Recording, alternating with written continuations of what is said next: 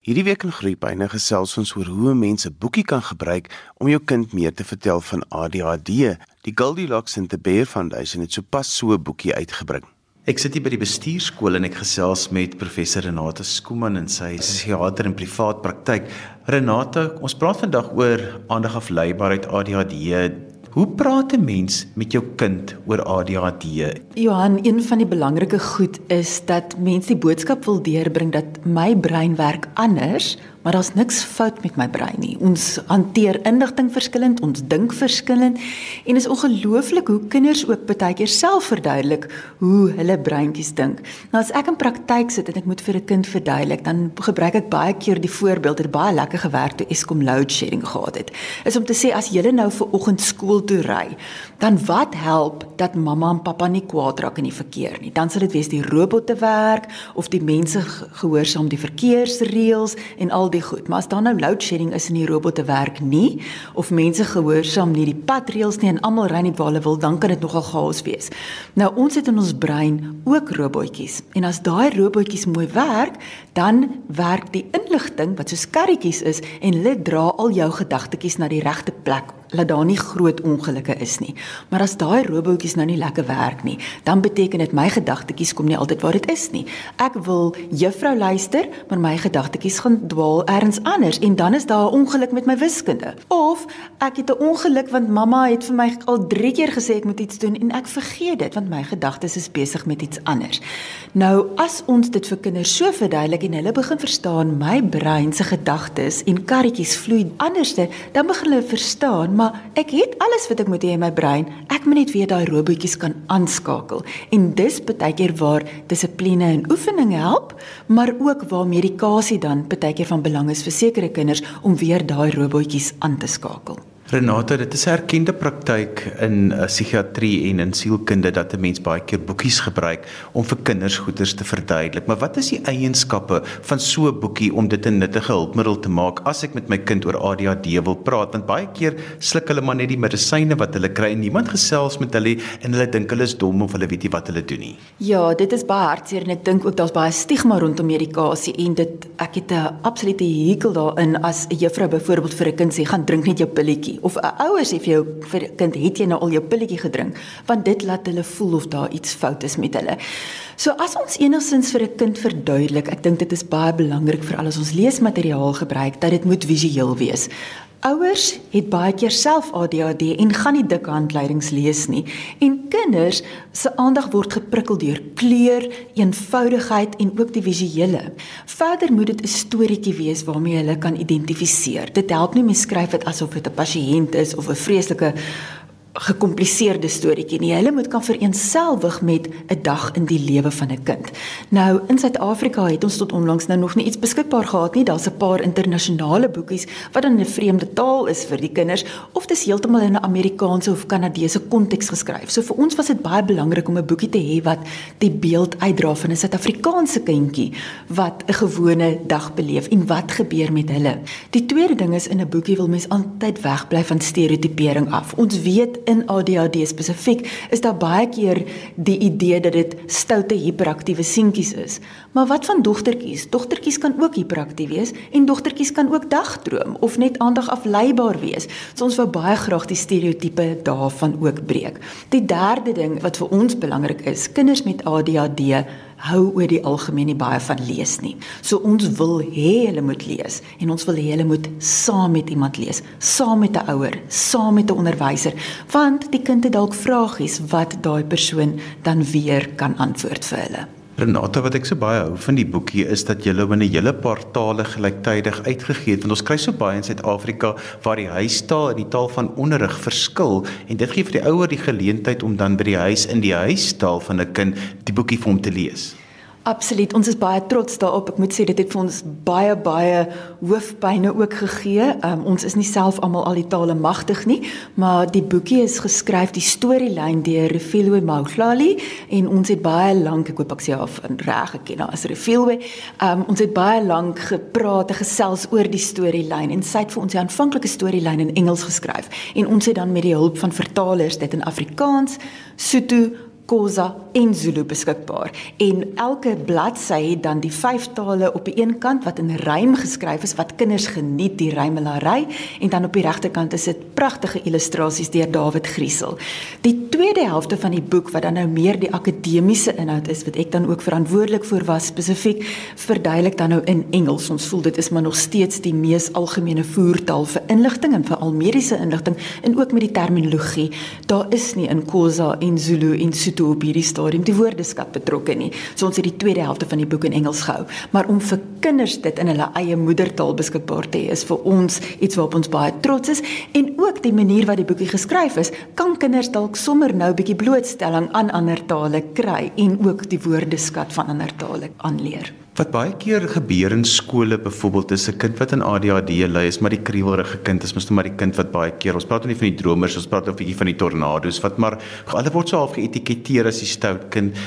Sal 'n boekie soos die byvoorbeeld kan help vir 'n juffrou om vir die ander kinders te sê, maar dit is eintlik wat in Benny se brein aan die gebeur is.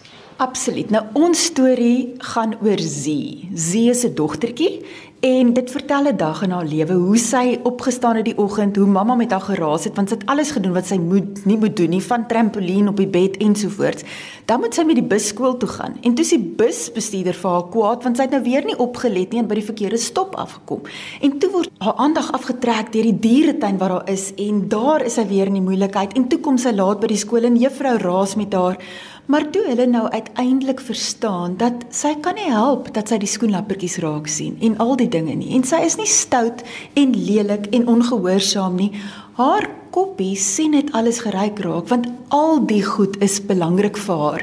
En dis ook waar die titel van die boek kom all of these things are important to me om dan te verduidelik. En die simboliek in die boekie wat ons ook het die deurlopende temas van geel en van skoenlappertjies. Nou die skoenlappertjies het 'n interessante agtergrond ek het 'n paar jaar terug 'n jong dogtertjie gesien. Sy was omtrent sie se ouderdom wat ons hoofkaraktertjie is. En toe ek haar sien en ons het haar eers op behandeling toe kom sy terug en sy sê die skoenlappertjies in haar kop is stil. En toe ek vir haar vra wat bedoel sy daarmee, toe sê sy voor sy behandeling gekry het, was dit vir haar so moeilik om in die klas te luister, want sy het die hele tyd die vlekkies in haar kop gehoor wat sê en toe op die medikasie het dit stil geraak. Nou ons sien nie elke kind met ADHD moet medikasie gebruik nie. En ek dink dis ook wat baie belangrik is in die boek dat ons kyk na 'n holistiese benadering. So ons praat oor die belang van gesond eet, oefening, slaap, tegnologiese hantering en hoe dit potensieel nie goed kan wees vir 'n kind met ADHD nie, maar ons bespreek ook wel die plek van medikasie. Maar ja, medikasie is definitief nie die enigste antwoord nie. Ons praat ook in die boek definitief oor die diagnose van ADHD en daar sê ons pertinent dat alle kinders wat besig is, het nie ADHD nie. En alle kinders met ADHD is nie hiperaktief nie. Hulle kan die stildagstromertjies wees. So ons probeer definitief ook daai miskonsepsies oor ADHD aanspreek. Daar is ook hierdie miskonsepsie oor ADHD dat dit net 'n slegte ding is. En kom julle ooit daarbey uit om ook te sê maar daar's ook 'n positiewe kant daaraan? Want ek sê altyd vir ouers, ons moet hierdie ding met ons ook gebruik in 'n positiewe lig want deel van ons oorlewing in die wêreld is te danke aan kinders met ADHD. Absoluut. Hulle is laterale denkers. Hulle dink uit die boks uit. Hulle vra die vrae wat ander mense miskien nie impulsief vra nie en liewer stil bly hulle is challenging baie keer want hulle wil weet en hulle gaan druk vir daai antwoorde.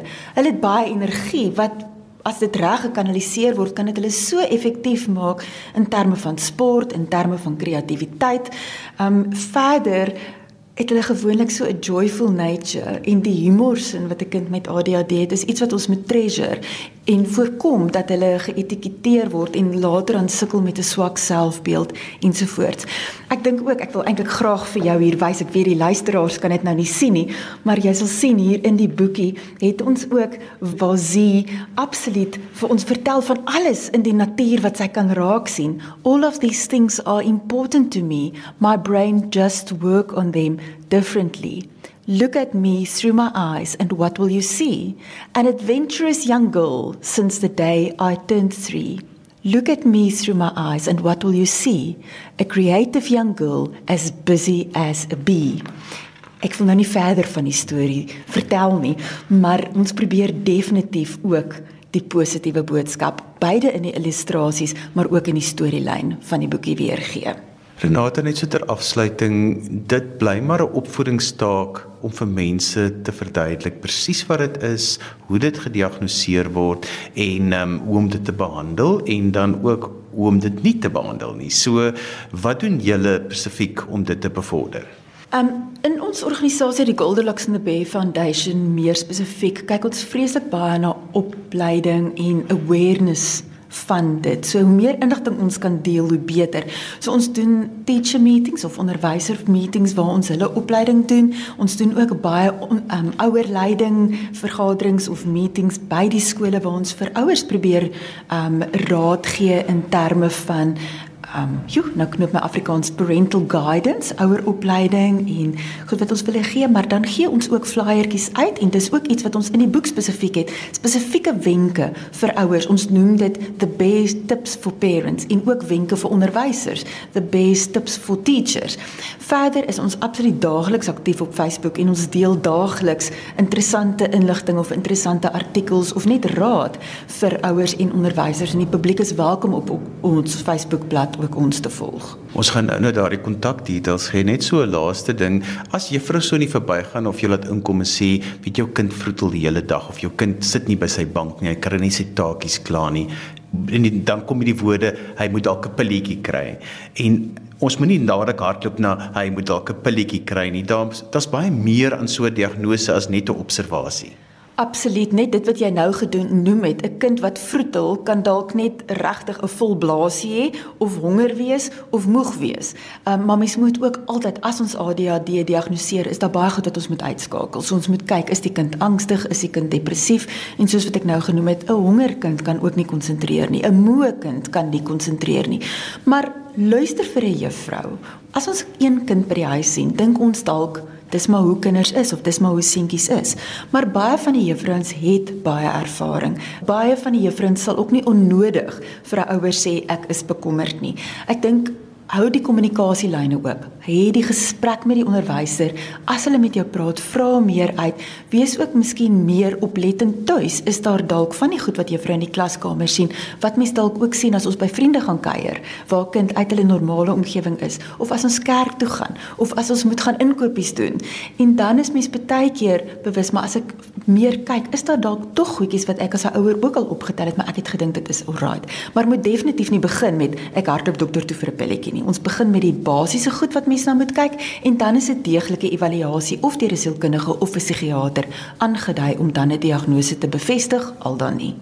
Nata, hoe kan mense by julle uitkom en as hulle dan die boek wil bestel, hoe kan hulle dit doen? So, julle kan ons kontak. Ons Facebook page is net Goldilocks and the Bear Foundation. Julle sal sien dis 'n groot geel sirkel um, met 'n tekentjie hacky GB vir ADHD met Goldilocks um, 'n dogtertjie en 'n beertjie op die logo en dan verder ons webtuise is www.gb4adhd.co.za Um, ons e-posadres is info@gb4adhd.co.za. Maar as jy enigsins die kontakbesonderhede net op die Facebook page of op ons webtuiste kry, kan jy ons kontak. Op hierdie stadium kan jy die boekies direk by ons aankoop vir R100. En so gesels professor Renate Skooman. Onthou jy kan weer na vandag se program luister as 'n potgooi. Laat dit af by resgep.co.za. Hy kuier hierdie week by 'n kongres hier in Gauteng. Dit is 'n kongres oor selfgerigte leer wat aangebied word deur die opvoedkundige in die departement van die Noordwes Universiteit. Ek gesels met Dr. Roxanne Bailey. Selfgerigte leer is iets wat ek dink elke ouer na in die hart moet lê. Alhoewel dit iets is wat by die skool gebeur, het 'n ouer 'n bepaalde rol om te speel en is ouers nie altyd so bewus van metodes en maniere wat in skole gebruik word nie. Roxanne, wat is selfgerigte leer? Kom ons begin daar. Dankie Juan en dankie vir die geleentheid ook. Ehm um, selfgerigte leer is in kort en as ek nou op die alle man se se term kan sit om verantwoordelikheid te neem vir jou eie leer. Ehm um, daar's natuurlik 'n klomp teorie wat daarmee saamgaan, maar in kort is dit daai inisiatief wat 'n leerder neem of enige leerder of dit nou op skoolvlak is of op 'n uh, ehm um, volwasse vlak die persoon wat wel besluit en gemotiveerd is om inisiatief te neem vir hulle leer nadat hulle 'n sekere behoefte ontwikkel het vir leer. Want baie mense se verstaan van leer is is dit dit eintlik die onderwyser se verantwoordelikheid is om die kind te laat leer en dan vanmiddag is dit my verantwoordelikheid as ouer by die huis om my kind te laat leer, maar julle sê nee, die verantwoordelikheid is die kind se. Dit is reg, Johan. Ek dink dit is um ek ek verstaan definitief dat ouers um onder 'n groot druk is om seker te maak dat hulle leerders of hulle kinders dan nou um wel presteer op skool en die onderwysers plaas ook 'n sekere druk op op die leerders self. Ek dink wat wel gebeur is is dat op die ou einde van die dag is dit die ouer wat wel leer en die leerder wat op die ou einde van die dag nog steeds nie leer nie. En ek dink dit is waar die groot geheim is is vir die leerder om eintlik self verantwoordelikheid te neem eerder as wat die onderwyser die druk plaas of die ouer eintlik op die einde van die dag die ehm um, die werk dan nou voltooi namens die leerder wat ek weet wel baie gebeur. Van die fokus in selfgerigte leer skuif weg van die prestasie of die matrieksertifikaat of om die graad deur te kom of die dit skuif na ek leer wat vir my belangrik is en ek los probleme op, ek is deel van die leerproses. En dit is nogal 'n uitdaging want baie keer stel die kinders net in niks belang wat vir hulle aangebied word nie. Johan, ek dink natuurlik is dit so dat ehm um, miskien kan die leerbehoefte nou maar net wees om die eksamen deur te kom. Ek dink dit is nie ehm um, iets wat ons kan miskien nie. Vir party leerders is dit om 'n sekere inhoud te leer regtig nie relevant tot hulle lewe wat hulle op daai oomblik in elk geval kan raak sien nie. So ek dink ongeag of die feit ehm um, of die leerbehoefte die eksamen is en en dat dit die eindpunt is, is die hoop wat ons het is werklik waarom die verantwoordelikheid op die leerder te plaas sodat hulle besef as hulle werklik met hierdie inhoude um, omgaan dat hulle eintlik wel kan leer en en teen die tyd van die eksamen of teen die tyd wat hulle 'n uh, opdrag moet ingee dat hulle eintlik wel geleer het en nie net gememoriseer het nie of dat hulle ook in, in die eksamen kom en dan skielik 'n krisis beleef want hulle het eintlik nog nooit in die hele kwartaal geleer nie. So ek dink sodra die leerder net besef ek moet verantwoordelikheid neem, dit is my leer en dis my toekoms waarna ek werk en die ouer eintlik die leerder los dink ek gaan leer baie meer plaasvind. Deel van selfgerigte leer is baie keer ook interpretasies daarvan soos projekgebaseerde leer of 'n paar verskeie maniere wat skole dit dan nou toepas wat eintlik beteken my kind kry 'n taak en 'n opdrag om by die huis te doen. Ons weet hoe besig is almal. Ons weet ons hoor op die laaste minuut daarvan, maar iets wat selfgerigte leer onmiddellik ondermyn en al die doelstellings wat daarmee saamgaan is wanneer 'n ouer die kind se taak doen vir hulle, maar 'n ouer het 'n bepaalde rol te speel in hierdie proses. Ja, Johan, ek dink, ehm um, as ek nou maar net dink aan my eie ervaring en en ek uh, baie mense het al vir my gesê hulle kan sien ek het sekere selfgerigte leer eienskappe en ek dink die groot rede daarvoor is te danke aan my ouers. As ek take by die huis aangebring het, het my ouers net vir my gesê dit is jou taak en op die einde van die dag as die onderwyser vir jou vra gaan vra in die klas daaroor en ek het dit gedoen as ouer, dan gaan jy dit nie kan beantwoord nie. So en dan het jy nie die uitkomste eintlik bemeester self nie. So ek dink as ouers werklik waar net kan terugstaan nommer 1 dink ek gaan die leerders 'n baie beter produk baie keer na vore bring en ek dink tweedens gaan die onderwysers dalk ook self besef wat is die vlak van leerders. Ek dink ek sien dit self dat um baie van die ouers doen die take, so die vlak van take raak baie hoër want dit lyk of die leerders werklik waar um as ek die Engelse woord kan gebruik cope, maar eintlik is dit omdat die leerders koop nie. Die ouers is besig om die take te doen en dit lyk of die standaard hoër is. So en dit is nou 'n veralgemening, maar ek ek sien dit werklik alledaags dat dit dit 'n realiteit is. Want die doel van selfgerigte leer is om lewenslange leerders daar te kry. Dat kinders nooit sal ophou leer nie. As hulle volwasse is, dat ons sal voortgaan om te leer en te ontwikkel. So dis belangrik dat 'n mens hulle dan eintlik sal los, maar nie sal los om te verdrink nie. Beslis. Ek dink een van die die aspekte van selfgerigte leer is om werklik te weet ook wanneer het jy enige hulpbronne nodig en natuurlik is die ouer 'n hulpbron vir die kind.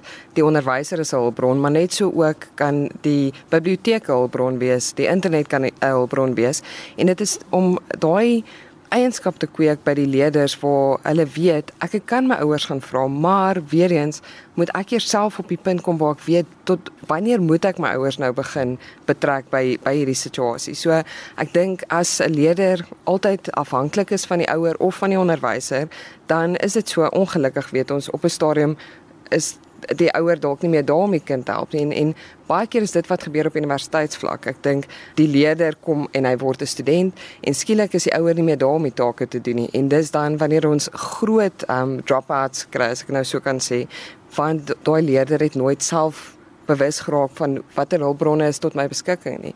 So ek dink ons doen regtig ons ons kinders 'n groot onreg aan deur om eintlik in te meng waar ons nie moet inmeng nie en hulle nie daai vaardighede gee om te sê help my ek is nou op hierdie punt waar ek regtig jou hulp nodig het as ouer of as onderwyser. Maar voor dit dat hulle eintlik net daai self daai verantwoordelikheid neem Ek dink waar ouers ook 'n groot rol kan speel is juis by die feit dat selfgerigte leer daarop gerig is dat kinders die groter vrae moet kan beantwoord of dit wat hulle leer binne die groter konteks moet kan sien en dit kom weer terug na 'n ding wat ons altyd sê gesels met jou kind oor dit wat hy leer en wat dit beteken en waar dit inpas in die wêreld om hom in die wêreld waarin binne ons leef. Ja, ek dink sekere onderwerpe is dalk moeilik om om relevantie te te bereik en ek dink party ouers is regtig baie kreatief en party onderwysers is natuurlik ook baie kreatief om om dit relevant en lewenswerklik te maak.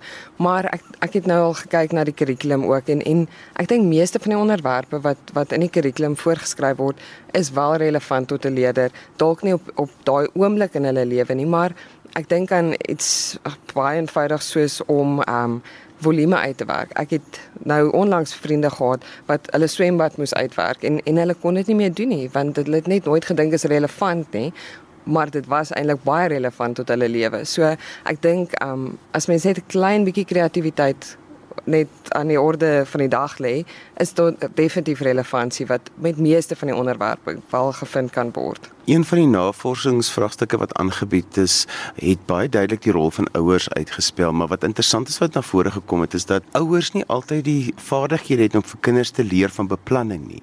Hulle gaan in 'n autoritaire ouerskapstyl sien met dit nou klaar maak, dit hoekom nou al, maar hulle vergeet dat hulle eintlik vir kinders moet leer hoe om te beplan sodat hulle nie op die laaste aand voor die sperdatum moet sê die projek met môre in nie. Ja Johan, ek dink ehm um, dit is dit is 'n groot krisis vir baie van die ouers en ek dink ook ehm um, net ag ek dink dit gaan baie gepaard ook met as 'n kind 'n vraag vra en die ouer net antwoord want ek sê so en en ek het heeltemal ehm um, empatie met die met die feit dat daar's nie altyd tyd in 'n huishouding om groot gesprekke met 'n kind aan te voer nie, maar ek dink eintlik gaan die ouer en die leerder of die kind se um lewe net soveel makliker wees as as hulle sekere doelbewuste strategieë aan die begin van die jaar eintlik in plek stel.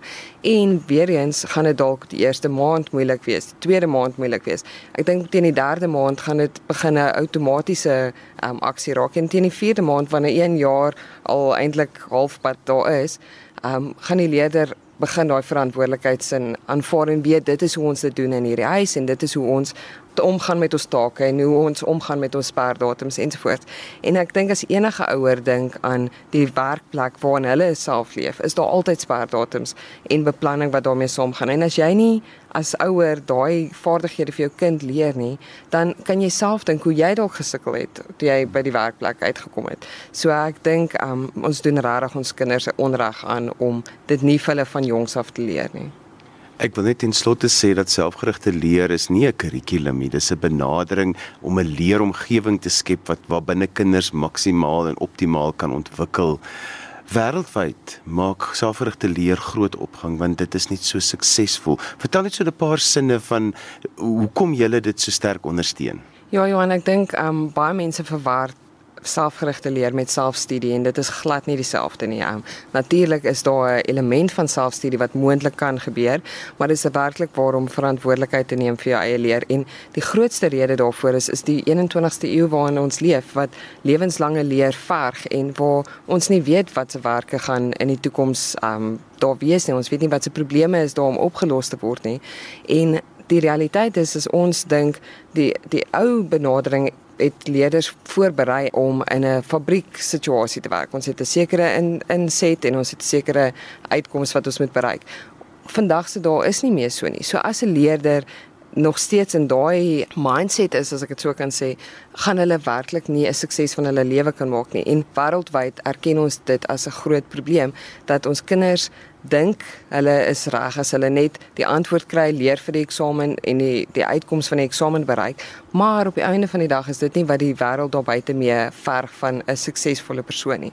So dit is nie net in Suid-Afrika wat ons dink dit is belangrik nie. Wêreldwyd is dit regtig 'n groot groot kopskuif wat in opvoedkunde, maar in in alle velde um werklik 'n realiteit raak, ja. En so gesels Dr. Rosaan Bailey van die Noordwes Universiteit. daarmee het ons aan die einde gekom van vandag se groeipyne. Onthou jy kan weer na vandag se program luister as 'n potgooi. Laat dit af by resgep.co.za. Skryf gerus vir my 'n e e-pos by groeipyne@resgep.co.za. Dan groet ek dan vir vandag tot volgende week van my Johan van Lille. Totsiens.